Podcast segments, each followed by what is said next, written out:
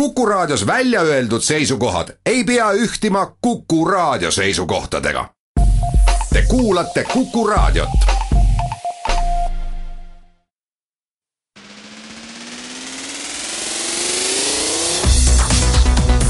muuli ja Samost. muuli ja Samost. tere, head pühapäeva kõigile, alustame saadet Muuli ja Samost, stuudios on Anvar Samost ja Kalle Muuli seekord pean vist küll lisama, et see on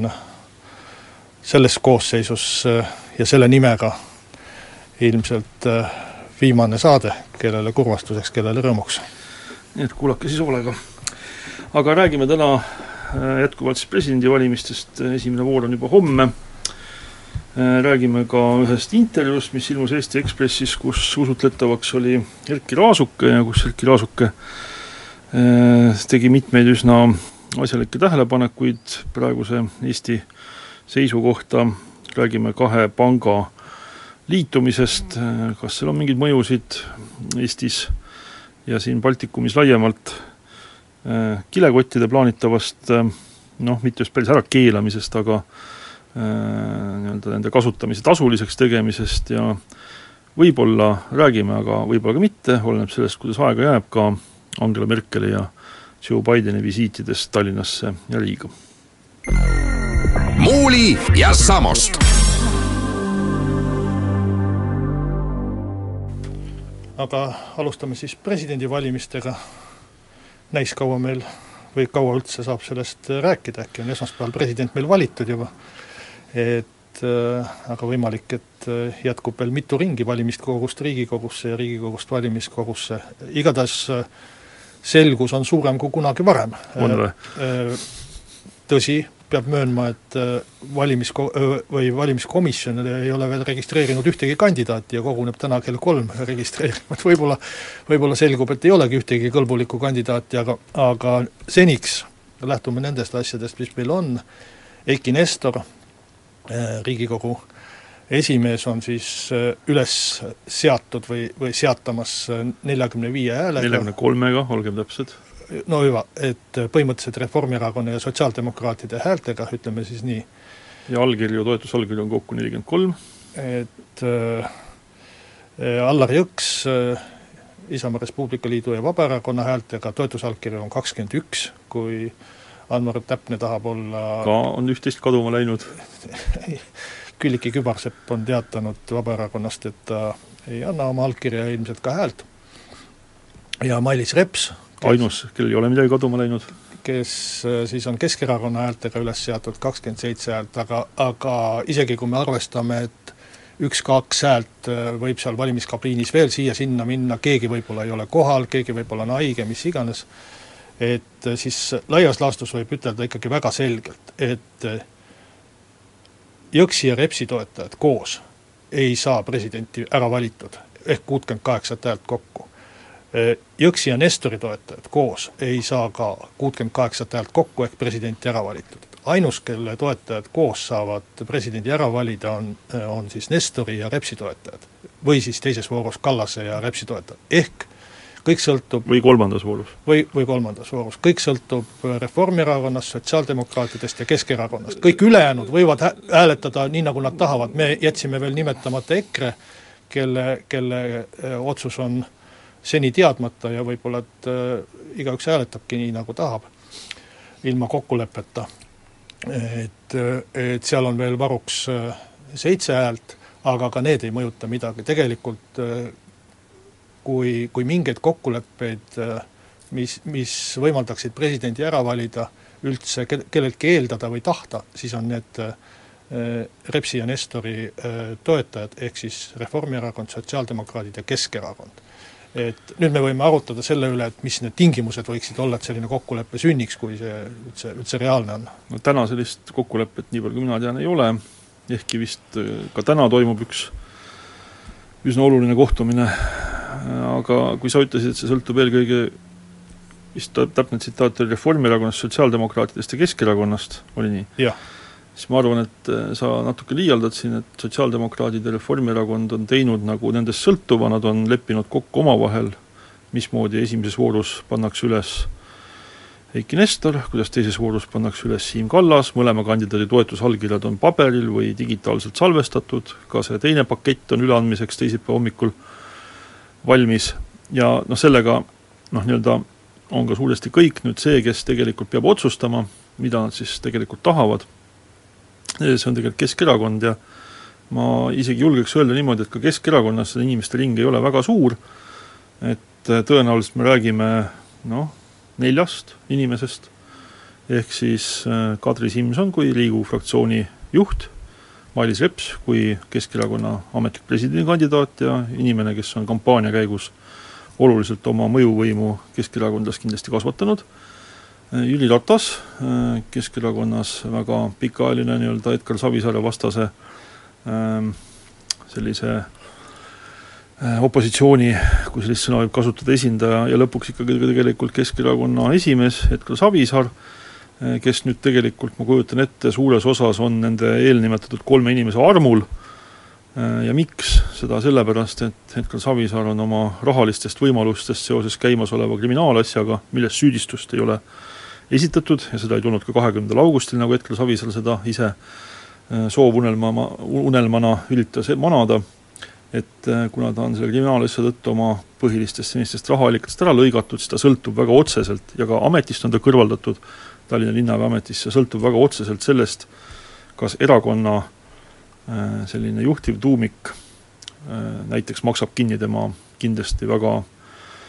mitmekohalisteks, võiks öelda kuuekohalisteks kujunevad, võib-olla ka seitsmekohalisteks kujunevad advokaadiarved järgnevate aastate vältel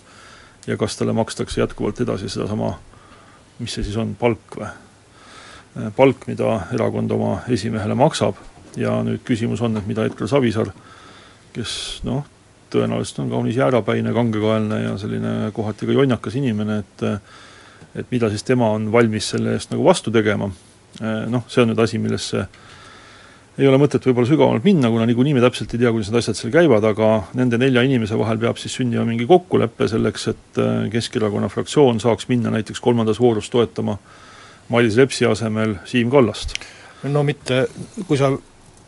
lükkad nüüd kõrvale Reformierakonna ja Sotsiaaldemokraadi ja ütled, nende, nendega on kõik klaar ja nad, nad on kõik ära otsustanud. Nad on teinud need asjad, millest, mida nendest oleks võinud nagu eeldada. et äh, läbirääkimised ei käi ju nende nelja keskerakondlase vahel, kellest sa räägid, läbirääkimised käivad ikkagi äh, Nestori toetajate ja Repsi toetajate vahel, ehk siis Reformierakonnast ja sotsiaaldemokraatidest sõltub palju. Et küsimus on see, et miks äh, Reps peaks loobuma kandideerimisest Kallase kasuks. miks ta peaks äh, loobuma võimalusest olla veel kuu aega presidendikandidaadina telepildis ja, ja võimalusest no. Äh, kandideerida ja mine tea, kuidas see need, need valimised lõpevad, eks ju. juhtuda väga lihtsalt, see võib juhtuda niimoodi, et teises voorus Riigikogus Mailis Reps lihtsalt ei saa mitte kakskümmend seitse häält, vaid saab üheksateist häält ja kolmandas voorus ongi vastamisi Allar Jõks ja Siim Kallas ja siis on Keskerakonna fraktsioonil vaja otsustada, kelle poolt nad oma hääled annavad. jah, et äh, kui, kui rääkida ikkagi tõsisemalt, et, et vastaskandidaat on Reps ja et ta peaks äh, loobuma või õig-, õigemini tema toetajad peaksid siis äh, toetama Nestorit või Kallast, siis ainus mõistlik kaup, ma olen muidugi lugenud Eesti Päevalehest, et kaubeldakse presidendi kantselei direktori kohaga äkki, äkki hakkas kordama üldse? et see, see, see uskuge mind, ainus mõistlik kaup, millest üldse saaks rääkida, on valitsuse lõhkumine ehk koht valitsuses. ja, ja noh, see ei ole reaalne minu meelest, et ükski mõistlik erakond, eriti veel Reformierakond ja sotsiaaldemokraadid koos, kes saavad aru, et kui Keskerakond tuleks valitsusse, siis peaks tegelikult ka sotsiaaldemokraadid sealt lahkuma. et miks nad sellise kokkuleppe peaks tegema, need ei ole üldse äh, võrreldavad äh, suurused, presidendi ametikoht on noh, ikkagi täiesti, täiesti kergekaaluline võrreldes koha, kohaga vali, valitsuses ja, ja, ja poliitikas, et et ma arvan, et sellise kauba peale ei minda ja noh, peaminister on ka sõnaselgelt seda välja ütelnud, et eh, no loomulikult, sest et igal juhul mis kui..., millest me võiksime järeldada, et mingit kokkulepet ei tule ja, ja valimised lähevad valimiskogusse. kui praegu tuleks uus valitsus, kus ei ole sotsiaaldemokraat, demokraatia ja, ja Isamaa Res Publica liitus, ma arvan, see uus valitsus tuleks ka uue peaministriga, nii et Taavi Rõivasel on igal juhul väga palju kaotada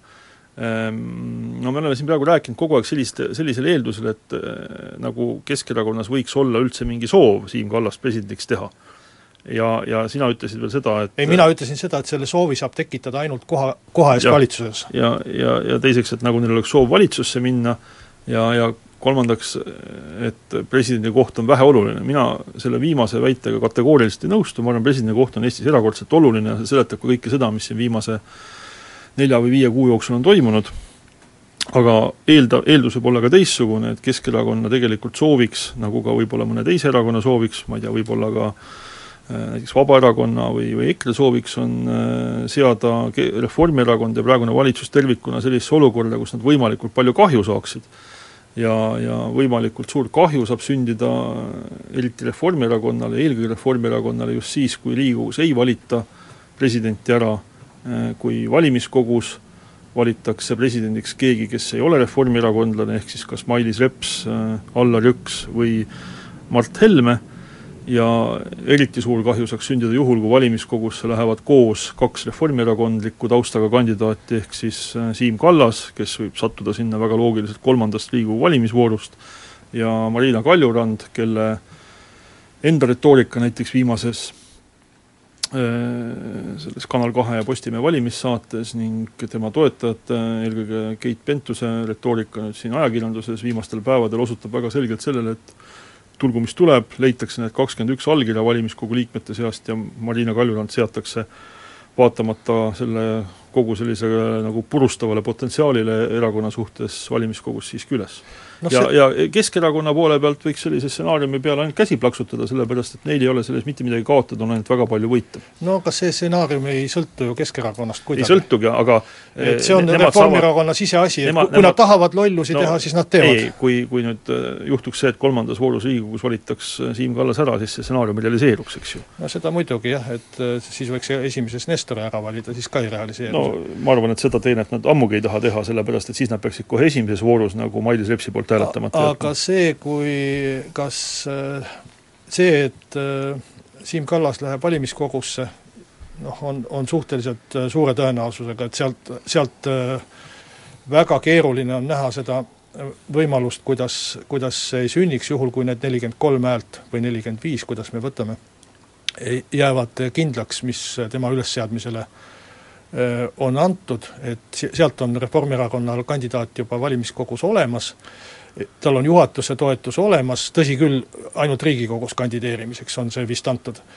et äh, aga, aga veider oleks ka see, kui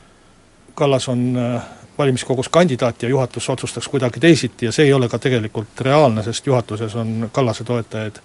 enamus vähemalt, vähemalt seni on olnud. et kui Kaljurand läheb omal algatusel Reformierakonna kandidaadi vastu äh, kandideerima ta ei lähe omal algatusel, ta läheb Reformierakonna tuumiku toetusel tõenäoliselt.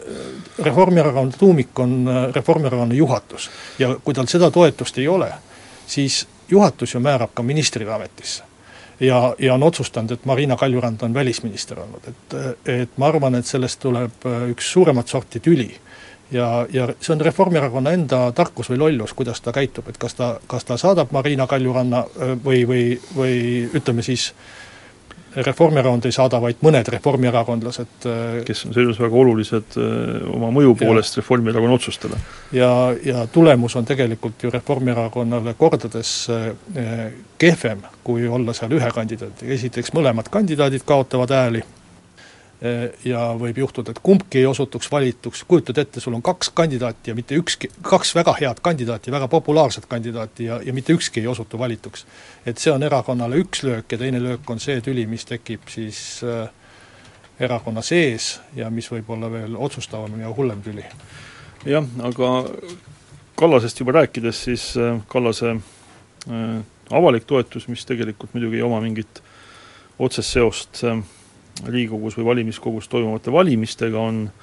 viimaste küsitluste järgi sisuliselt kahekordistunud, nii et noh,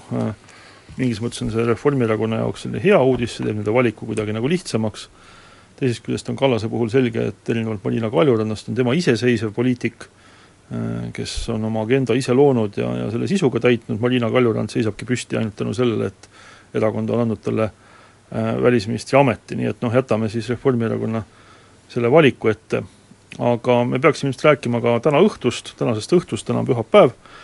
ja, ja siis see nii-öelda see debatt,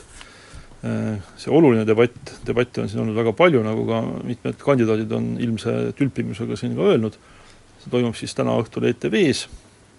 seal on ma ei tea ette, mis seal juhtuma hakkab, aga juba, juba praegu on seal üleval päris suur intriig, nimelt saates on neli kandidaati,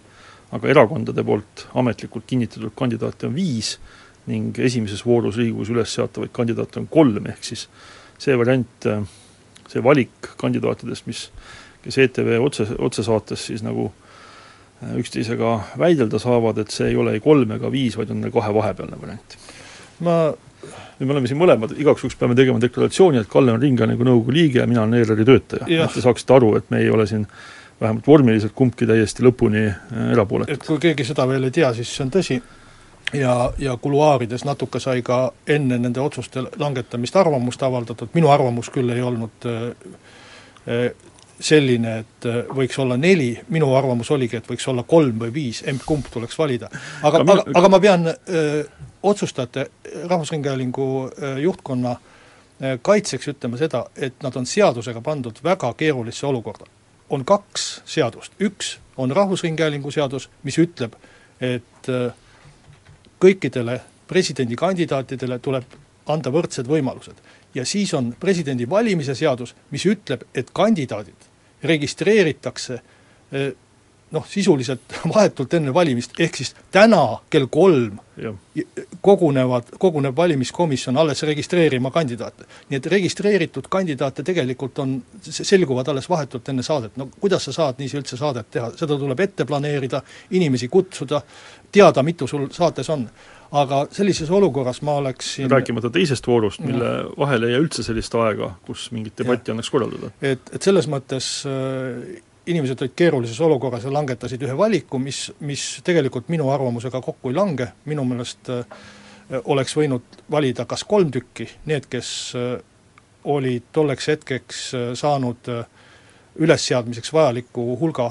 allkirju ehk hääli Riigikogus esimeses voorus, ehk siis Nestor, Jõks, Reps,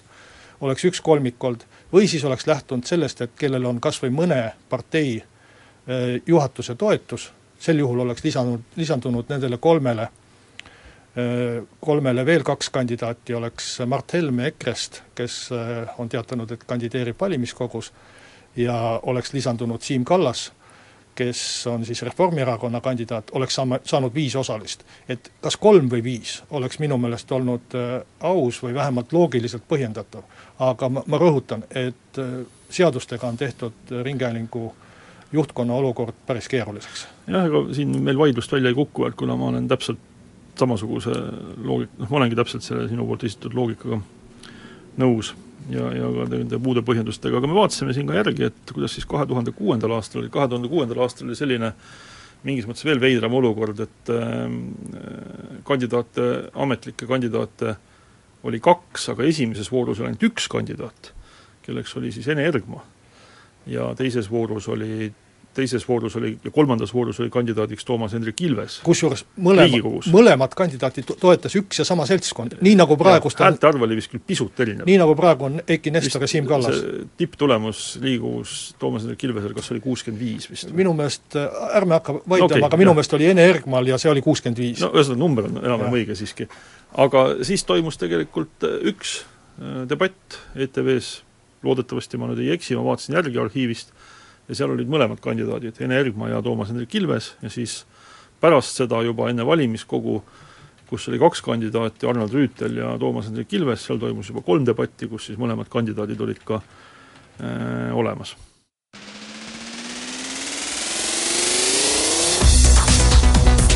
muuli ja Samost. muuli ja Samost ja räägime edasi ühest intervjuust, mis millest on tähelepanu väärt, Eesti Ekspressis on ilmunud Mikk Salu usutlus Erkki Laasukesega, Erkki Laasuke on äh, kuidas teda niimoodi iseloomustada, et see võimalikult korrektne või noh, täpne oleks, et ta on teinud paljusid asju, ta on olnud Hansapanga juht ja ta on olnud Swedbanki Eesti harujuht, on töötanud Swedbanki Rootsi peakontoris äh, väga kõrgel kohal, praegu ta on LHV grupi juhataja, aga noh, üldiselt, ja ta on ka Eesti Energia Nõukogu esimees, ta on koostanud siin äh, Majandus- ja Kommunikatsiooniministeeriumis vahepeal töötades ühe väga asjaliku raporti selle kohta, kuidas peaks riigiettevõtete juhtimine Eestis käima, nii et ütleme, et juhtimisest ta tõenäoliselt peaks midagi teadma. Ja kui ma õigesti aru saan, siis see alguspunkt sellel intervjuul on olnud see, et on vaadatud ajalehes neid samu Statistikaameti majanduskasvu näitajaid, millest meiegi siin oleme juttu teinud ja, ja näiteks see viimane number oli null koma kuus protsenti aasta baasil ja Erkki Raasukese käest on siis küsitud, et, et milles siis on viga, et asjad ei edene Eestis, aga mitte ainult majanduskasvu mõttes, vaid ka laiemalt ja siis kogu see jutt on siin tegelikult juhtimisest. Ja, ja noh, ega me seda ajalehte siin ümber jutustama, ümber üle lugema, üles lugema, ära lugema ei hakka raadioeetris, aga võib-olla siis mõningad tsitaadid, et et võib-olla pealkiri kõigepealt, me saame äh, väga halba juhtimist riigi käest, aga, aga noh, täpsemalt siis võib-olla üks teine tsitaat, et et äh, Rõivaselt ei peaks küsima, miks meil pole viit protsenti majanduskasvu, vaid miks nad valitsuses Eesti kõige nähtavamas meeskonnas teevad nii või naa, miks te igapäevaselt purelete, miks te olete võimetud asju ellu viima, miks on nii, et kui te ühel päeval lepite kokku, siis teisel päeval kokkulepe enam ei kehti, kuidas jäävad asjad lohisema, kuidas me ei suuda panna nelja praami saarte ja mandri vahel liikuma, muidugi ei saa peaminister vastutada kõikide ministrite käitumise eest, aga meeskonna juhina lasub meeskonna hea või halb tulemus tema õlgadel. ja, ja lõpuks siis äh, lõpupoole noh, siin tegelikult veel, veel mitmeid kohti, kus sellest juttu tuleb, aga see kokkuvõte on väga lihtne, et äh, nende inimeste ja vahendite ja ressurssidega, mis Eesti käsutuses on, saaks saavutada palju rohkem ja ajalooliselt me näeme, et on ka saanud, aga siis Erkki Raasukest tsiteerides on mõtlemise koht, missugust juhtimist meil vaja on ja missugust juhtimist me enam taluda ei tohiks, nii et minu meelest on kõik põhjendatud küsimused ja, ja, ja ega, ega siin vaielda on väga keeruline, et eks äh, Äh, nii riigi kui ka ükskõik millise muu inimeste kogumi äh, selline rahulolu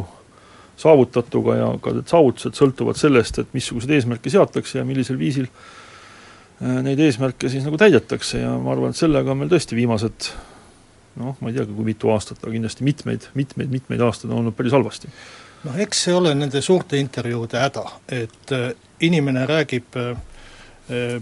palju keerulist ja tarka juttu ja siis võetakse sellest intervjuust äh, kas pealkiri või mingisugune kõige äh, selline äh, noh, intrigeerivam tsitaat ja võimendatakse seda ajakirjanduses üle, et kui sa siin ennist iseloomustasid Erkki Raasukest, siis et kes ta on, siis mina ütleksin tema kohta niiviisi, et ta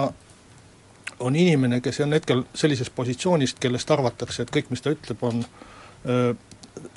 tark ja õige. Ja ega ma selle positsiooniga ei vaidlegi, et aeg-ajalt ikkagi selliseid kõrvalträäkijaid kerkib,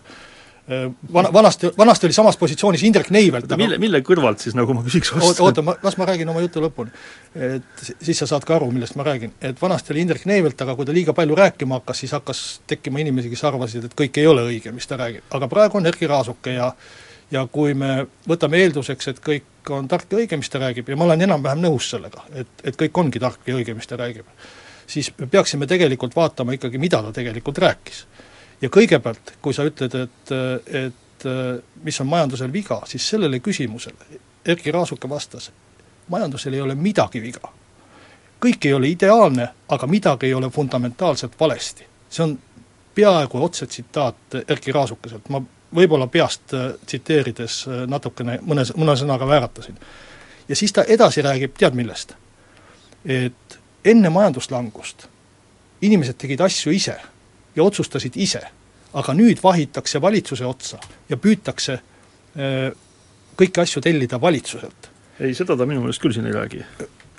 mitte sinu meelest, vaid see on mustvalgelt kirjas. kui peame debatti majanduskasvu üle, siis neljal juhul viiest on lauses kas sajatus valitsuse või peaministri aadressil, see on sõna-sõnalt loe, loe siis ka sealt edasi pärast majanduslangust kipume tellima asju valitsuselt, varim, varem tegime ise. nii, edasi? Ja kuula, mis ta nüüd edasi ütleb, sellel taustal ütleb ta nüüd, et kui midagi annaks parandada, siis võib-olla, et juhtimiskvaliteet. just. jah, aga sa jätad esimese osa ära. ei, ma ei jätnud ära, aga ma ütlen, et lõpp, lõpuks jõuame ikkagi selleni välja, kuidas Eestit juhitakse, kes on need isikud, kelle me oleme selleks nagu valinud ja miks need isikud ei eh, too meile sellist tulemust, nagu me oleme valimistel eeldanud, et me võime siin korra vaadata tagasi ka tegelikult aga, veel laiemalt. aga Anvar, ma olen nõus, et äh, sest on küll raske hinnata, aga, aga ma olen nõus, kui Raasuke ütleb, et juhtimiskvaliteet on kehv, ma olen nõus, on kehv. et, et kui me tema tarkust nagu aktsepteerime, siis peaksime terve intervjuu läbivalt mm -hmm. aktsepteerima, eks ju. aga küsime seda eelmist küsimust ka, millest ta räägib. miks oli varem nii, et inimesed tegid ise või, või ta peab ilmselt silmas ärisid ja, ja ärimehi ja nüüd vaatavad kõik valitsuse otsa. no see oli sellepärast, et äh, ta ütleb, et kogukond on kimbatuses. jaa, ta, see on sellepärast, et siin oli meil mitu valitsust, kes ütles inimestele, et tehke aga, aga praegu on meil valitsus, kes tegelikult äh, nii sõnades kui oma tegudes, kui oma sellise kehakeelega sellist sõnumit tegelikult ei edasta. et meil on selline, nagu peaminister ise on kahjuks väga selgelt öelnud valitsus, kes ütleb, et kõik on valmis, kõik on valmis, meil on jäänud peenhäälestus, et keerame mõned kruvid õigesse positsiooni ja küll läheb. täitsa võimalik, et äh, valitsuse selline hoiak on, on vale, aga kui me seame selle sõltuvusest majanduskasvu, siis majanduskasvu mõjutavad sajad muud asjad palju rohkem et äh, äh, Ansipi valitsus oli nii pikalt võimul, et tema, tema aega jäi Eesti kõige suurem majanduskasv ja tema aega Eesti kõige suurem majanduslangus. kas sa tahad tõesti ütelda, et Ansipi juhtimiskvaliteet kukkus ja, ja tõusis vastavalt sellele, kuidas need numbrid muutusid. et, et see on ju absurd, et me jälle vaatame valitsuse otsa, et valitsus tehku, meil ei ole plaanimajandus, kui oleks plaanimajandus, siis saaksime ütelda, et näed, valitsus ei, ei, ei taganud viisaastaku plaani täitmist nelja aastaga. selge värk, meil on turumajandus. vaatame, mis seal turu peal on teisiti ja mis on juhtunud. Need on need tegurid, mis, mis tegelikult mõjutavad majanduskasvu ja, ja äriettevõtlust. meil on erakätes on majandus, tõesti,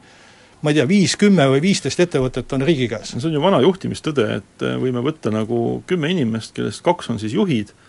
ja jaotada nad, noh, panna nad nagu tegema sama asja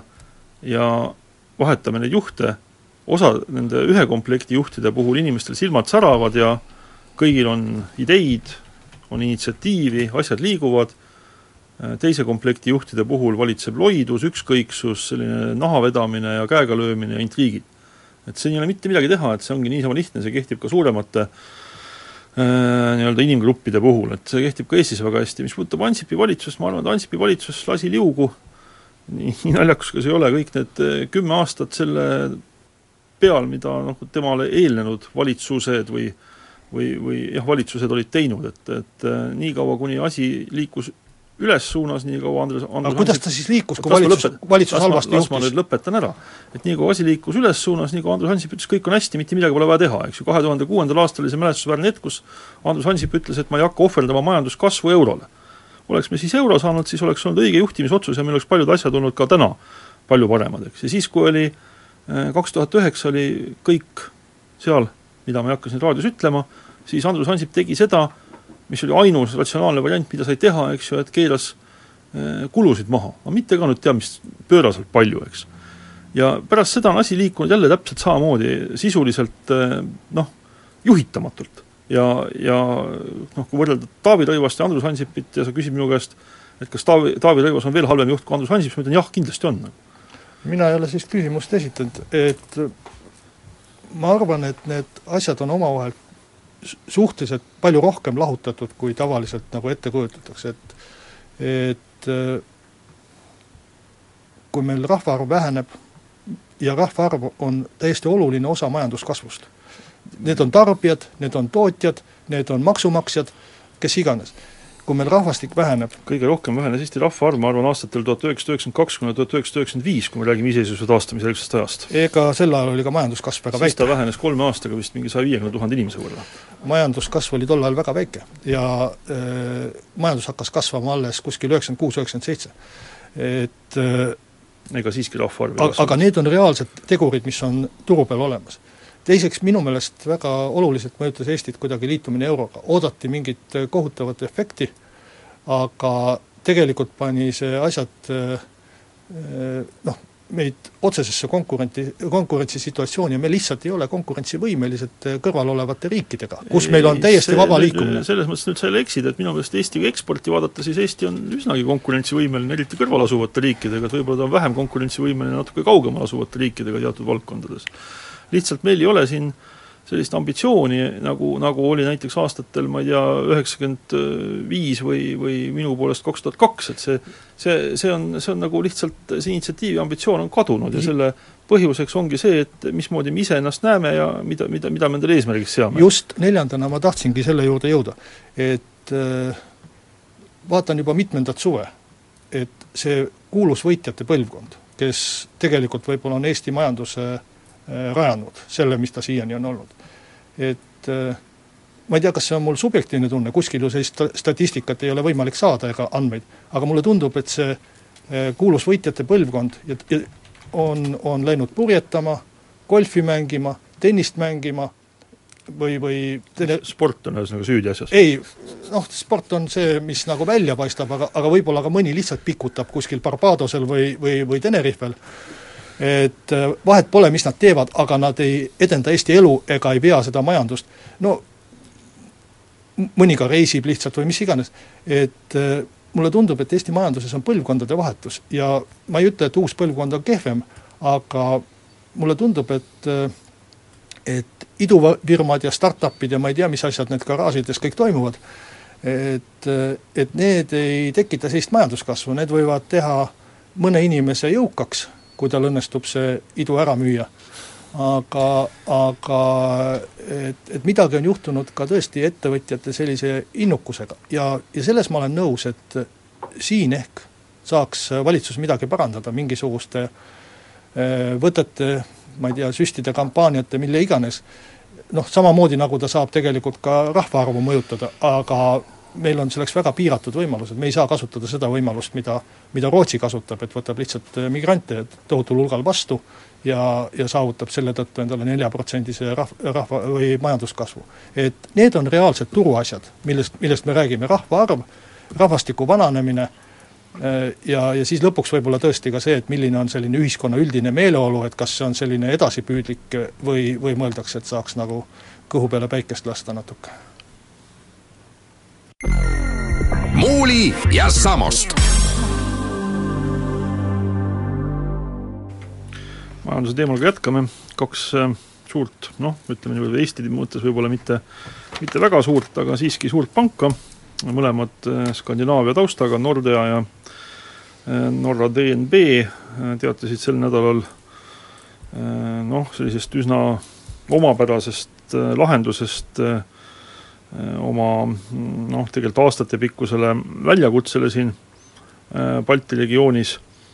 milleks oli siis see, et nad ei olnud turuliidrid ja see kasv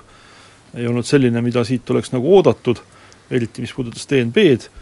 ja kui siiani spekuleeriti, et kas üks ostab teise ära või, või kogunisti mõlemad äh, äkki panevad uksed kinni siin nendel turgudel, siis tulemus on hoopis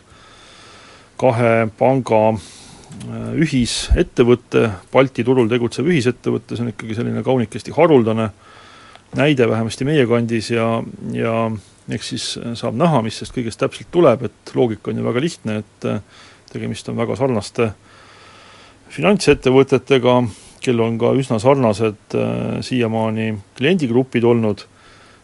mis on erinev, on ja, ja, ja ma kujutan ette, et sealt on võimalik saada sellist päris olulist kokkuhoidu, kui mitte teha seda äh, umbes kokku kolme tuhande inimesega, vaid äh, näiteks tuhande viiesaja inimesega äh, Baltikumi peale. ja noh, eks näis, et kuidas selle suhteliselt keerulise struktuuri muudatuse elluviimine nendel äh, kahel pangal läheb, et mingis mõttes nende mõlema ühisnimetaja on see, et neil on nagu kohalike turgudega siiski või kohalike inimestega, täpsem oleks öelda, on üsna vähe pistmist olnud, et kui äh, SEB-l Eestis ja Swedbankil, eriti Eestis, aga ka Lätis ja Leedus, on, SEB-l samuti Lätis ja Leedus, on olnud ikkagi selline kohalik taust ja ajalugu, siis Nordea ja DNB on mõlemad sellised nii-öelda sissetulijad, eh, kes eh, ei võtnud üle mingisugust väga tugevat kohalikul algatusel põhinevat organisatsiooni, vaid tõid kõik selle organisatsiooni kultuuri ja äritegevuse kultuuri puudutava äh, nagu sisse endaga. nii et noh, vaatame, et see on, mina ütleksin, et see on üks eksperiment, siiamaani pole isegi teada, et mis nime all see äh, asutus tegutsema hakkab, mis brändi all ta tegutsema hakkab, et et võib-olla kõige olulisem asi, mis me teada saime ja mida peaminister Taavi Rõivas on korranud vähemalt no ütleme, palju kordi sel nädalal on see, et peakontor tuleb Eestisse, aga ma tahaks ära märkida, et ma ei tea, mispärast üldse on vaja seda niimoodi rõhutada, et äh, nendel aegadel, mida ka mina mäletan päris hästi siin üheksakümnendate keskpaigas ja kahe tuhandete esimeses pooles, kui tuli mõni finantsasutus kas siis turule, loodi uuena või ta laienes või ta lõi endale mingeid harukontoreid, siis see kõik käiski Tallinna kaudu, et ma ei mäletagi sellist juhtumit, et kuskil Riiga oleks mingi kontor tehtud, oleks sealt Tallinnasse ja Leetu laienema hakatud, ikka käiski niimoodi, et Eestis oli finantsasutus, selle kaudu tuldi Balti turule ja sealt laieneti siis Lätti ja Leetu, nii et jumal tänatud, et me oleme siiski selle äh, positsiooni veel suutnud säilitada, aga imelik on see, et peaminister peab seda nii palju rõhutama. no ta rõhutas seda sellepärast, et äh, ühinejad äh, argumenteerisid selle peakontori Eestisse jätmist sellepärast, et siin on parim eh, keskkond ja, ja veel mõned eh, kiitvad asjad, aga ma arvan, et et see ühinemine niiviisi üldjoontes peaks olema ju äh, pangandusele või, või panganduse klientidele siis hea, sest ta kindlasti suurendab konkurentsi, et vaevalt, et see nüüd ühispank päris kõikides valdkondades on, on samas nišis, kus või Swedi ja SEB-d ei võiks niši, nišiks nimetada, aga, aga samas valdkondades tugev, kus äh, Eesti juhtivad pangad on, aga, aga vähemalt üks suur pank tuleb juurde ja ma arvan, et see, see peaks äh, mingisugust ärgitust tekitama, samas kuna ta on ikkagi üldiselt sealtsamast kandist, kus teiste pankadegi äh, omanikud pärit, siis, siis väga suuri lootusi ei, ei, ei maksa heie-, heietada, et siin läheb nüüd kohutavaks, ma ei tea, dumpinguks ja, ja, ja hinnasõjaks ja, ja turu võitmiseks ja ma ei tea, milliseks eh, karmiks kapitalismiks kätte. aga seda karmi kapitalismi ma loodan parem hoopis ühest teisest pangast, millest me terve suvi ei ole rääkinud, ehkki see on suuri tegusid teinud, see on LHV, mis tuli börsi, börsile kevadel ja, ja mis on nüüd võib ütelda vist väga natsionalistlikult täiesti äh, Eesti Pank, Eesti omanike ja, ja Eesti, Eesti rahadega tehtud pank ja mis areneb väga kiiresti ja ma loodan, et kunagi jõuab ka sinnamaale, kus, kus saab tõesti nendele Skandinaavia suhteliselt loidudele ja, ja suhteliselt kõrkidele ja sageli ka arusaamatu sellise klienditeenindusega pankadele eh, konkurentsi osutada, et pean tausta mõttes ütlema, et ma olen ise nii LHV kui ka S-, eh, Swedi klient, nii et selles mõttes mul nagu mingit eelistust ei ole. no minu meelest on siin põhiküsimus selles, et kas see uus loodav ühis, ühispank, nagu sa ütlesid siin, kasutades ühte nime, mis on Eestis hästi juurdunud, et kas see ka kuidagi toob selle juhtimisotsuste tasandi kuidagi Eestile, Lätile, Leedule lähemale või ei too, et kui ma vaatan praegu äh, kõike, mis on siin välja öeldud, siis ma kardan, et pigem mitte.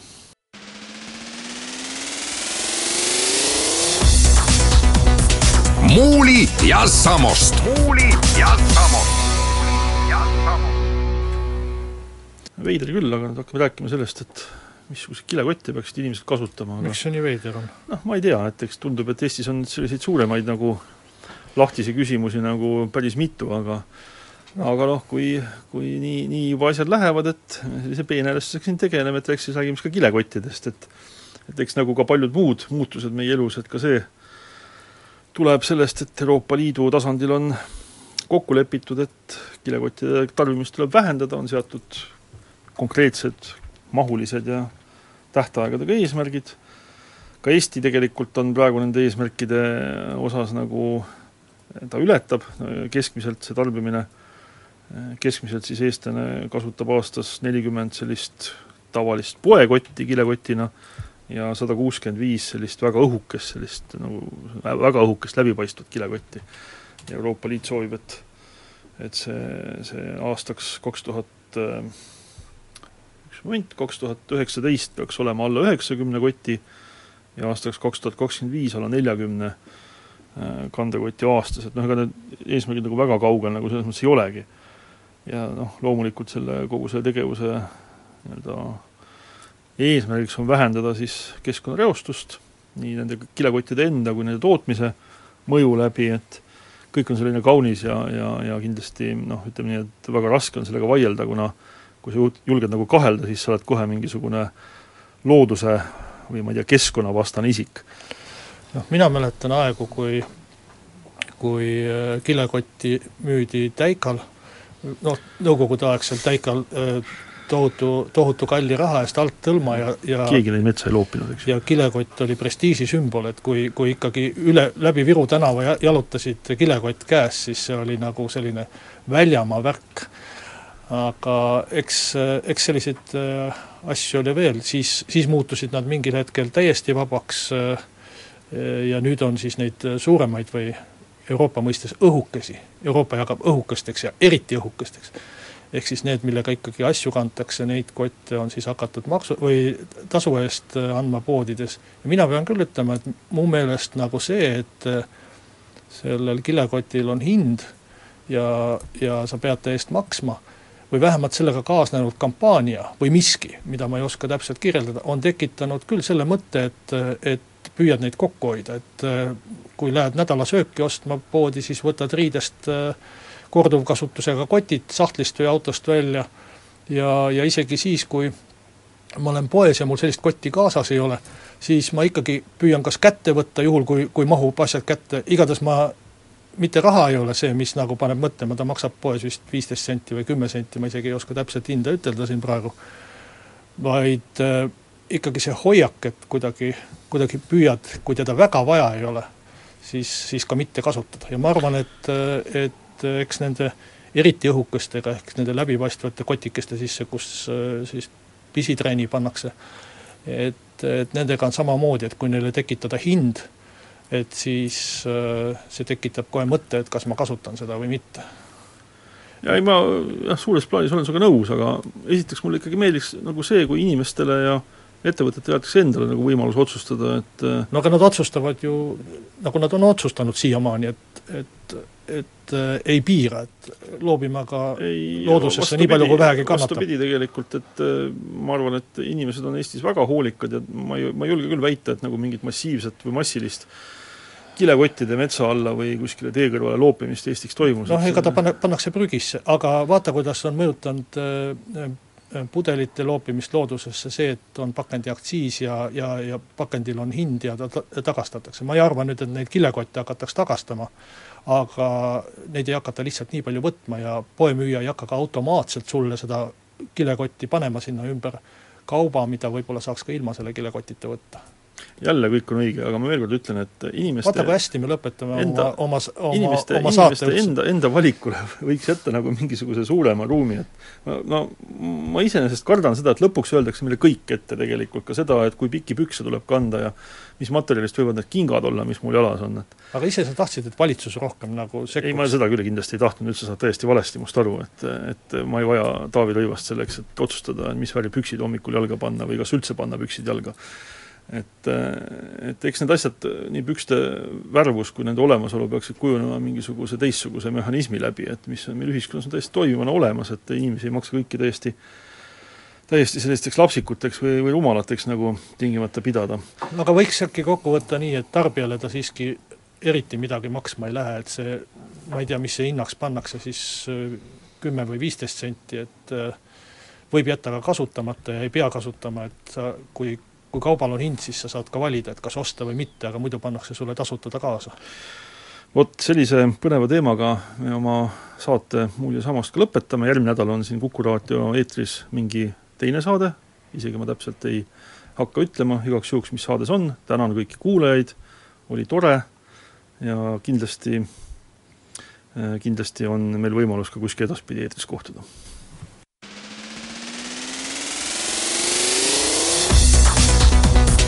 Muuli ja Samost. muuli ja Samost.